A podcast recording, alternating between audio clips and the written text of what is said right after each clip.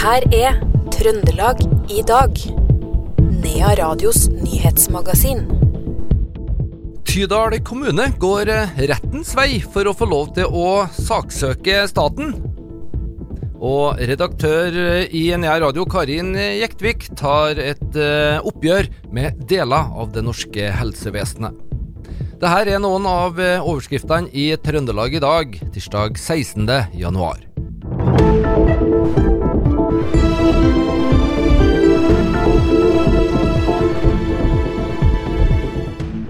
Vi starter med en eh, melding fra politiet. Nødetatene rykka nå i ettermiddag ut til en bolig i Stjørdal etter at det begynte å brenne der.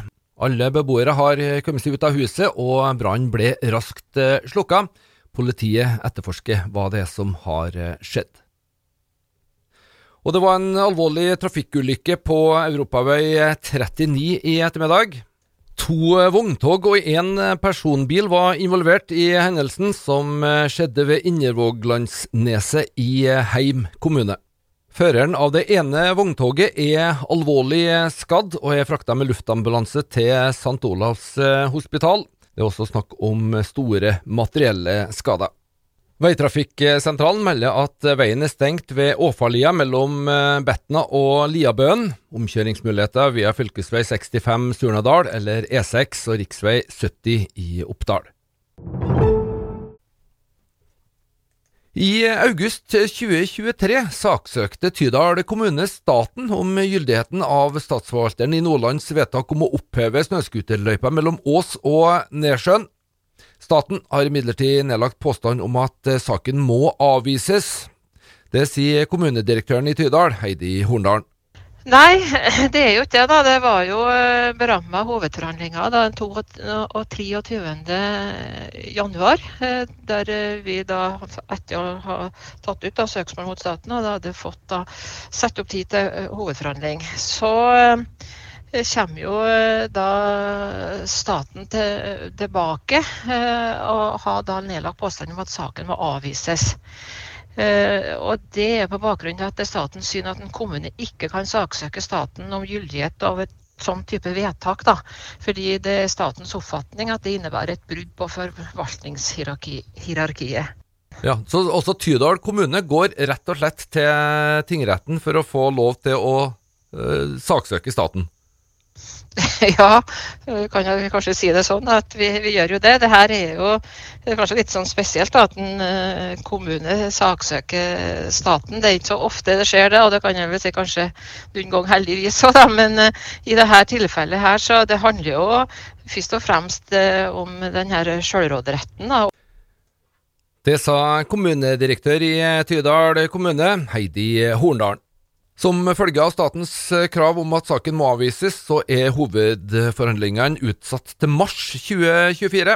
Partene skal nå møtes til en såkalt muntlig forhandling i Trøndelag tingrett 23.1 for å fremføre sitt syn på avvisingsspørsmålet. Retten vil deretter avsi en kjennelse hvorvidt saken skal avvises eller ikke. I et innlegg på sin private Facebook-profil så tar redaktør i Nea Radio Karin Jektvik et oppgjør med deler av det norske helsevesenet. Det handler om hvordan kvinner som aborterer, blir møtt og får av oppfølging. Dette er en situasjon hun har opplevd flere ganger sjøl. Det er nettopp fordi at jeg mener at vi for det første har nødt til å begynne å se annerledes på det her med både graviditet og spontanabort. Det er ikke noe tabu som skal pakkes inn og holdes unna. Også. Det her er noe som mange har um, et behov for å snakke om. Um, og ikke minst når det kommer til dette med oppfølging fra sykehuset og leger. da. Um, når man opplever det. og jeg har jo vært gjennom fem sånne ufrivillige, ufrivillige aborter nå. Og det var først den femte gangen jeg opplevde en abort at jeg fikk et tilbud om et nummer å ringe, f.eks. Um, det mener jeg burde ha vært en selvfølge at man hadde fått tilbud om hver eneste gang. Uh, man blir møtt med sånne holdninger som at uh, herre er vanlig, herre er det mange som opplever, herre er helt naturlig. Eh, bare ferde hjem, ta deg et par eh, egenmeldingsdager, og så er det her eh, greit igjen. Og så sitter du igjen med en sånn følelse av at det ikke er lov til å kjenne på sorg, da. Um, for det er veldig mange som har uh, Altså, etter tolv uker som uh, gravid Du er jo ikke bare litt gravid, du er jo gravid helt og fullt uansett hvor mange uker du er på vei. Det sa Karin Jektvik til reporter Knut Inge Skjem. Og hele det her intervjuet det kan du høre dersom du klikker inn på våre nettsider nearadio.no. Vi hørte altså Karin Jektviks sterke historie om møtet med helsevesenet etter spontanaborter.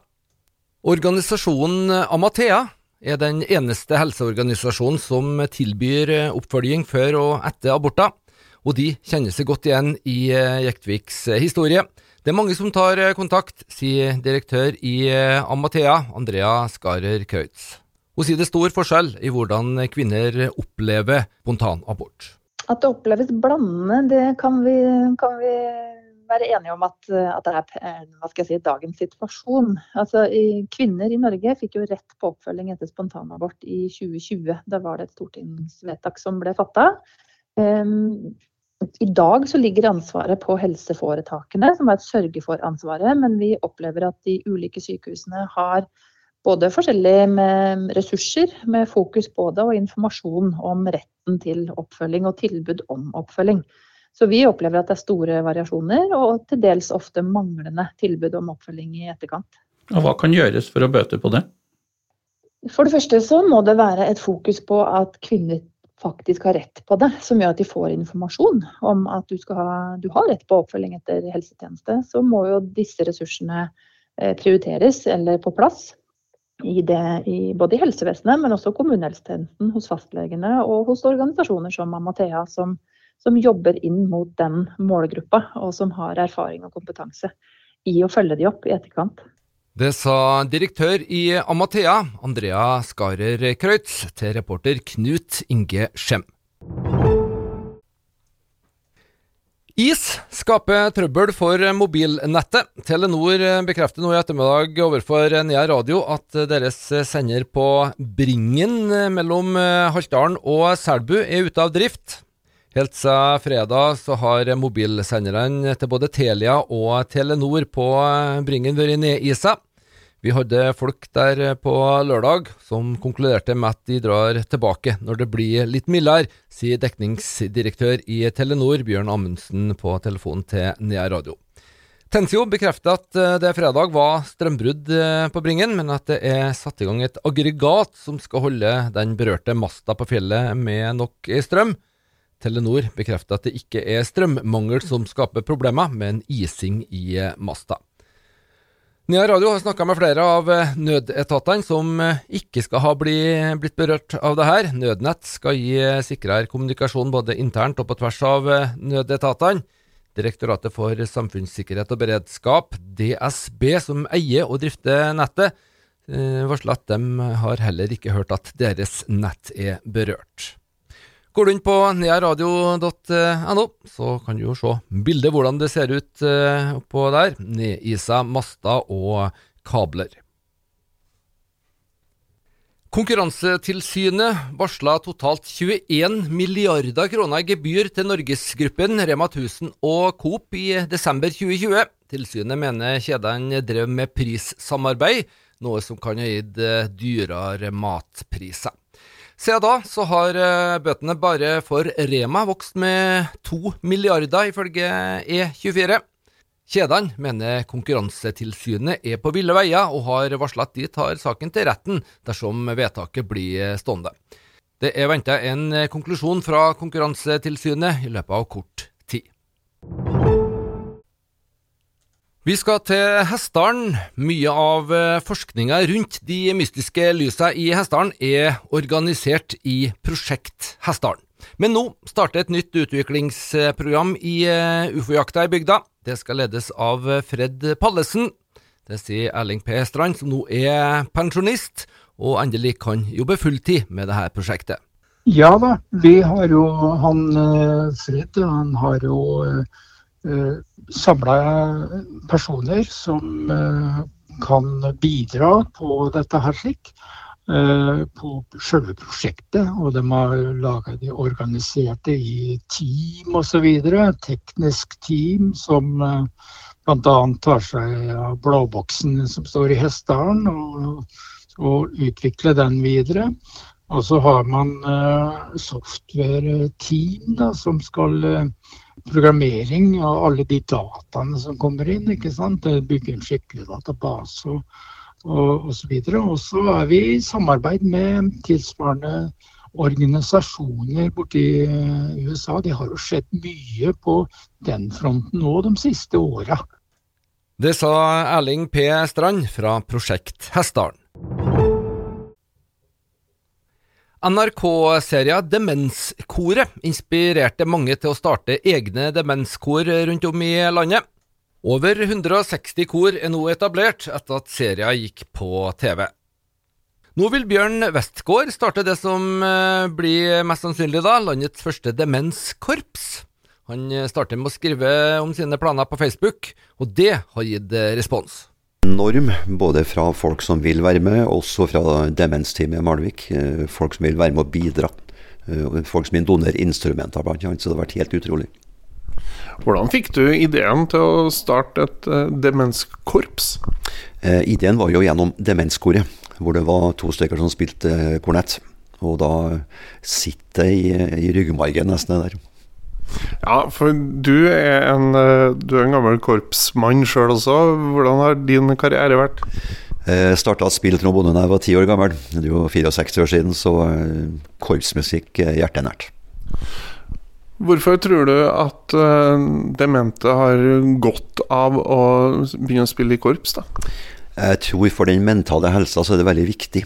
Og du vekker frem en god del minner som ligger der, som vi kan vekke frem.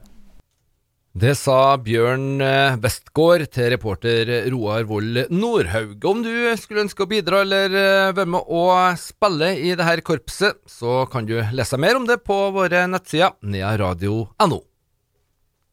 Finalen i den norske utgaven av Melodi Grand Prix er utsolgt. Det betyr 8500 publikummere i Trondheim Spektrum når arrangementet går av stabelen 3.2. Og det er ikke bare i salen at det blir trøndere, også oppå scenen er det klart at eh, Margaret Berger har gått videre til den norske finalen. Det var det vi hadde plass til i Trøndelag i dag, tirsdag 16. januar. Du finner det her og alle andre program i denne serien også som podkast.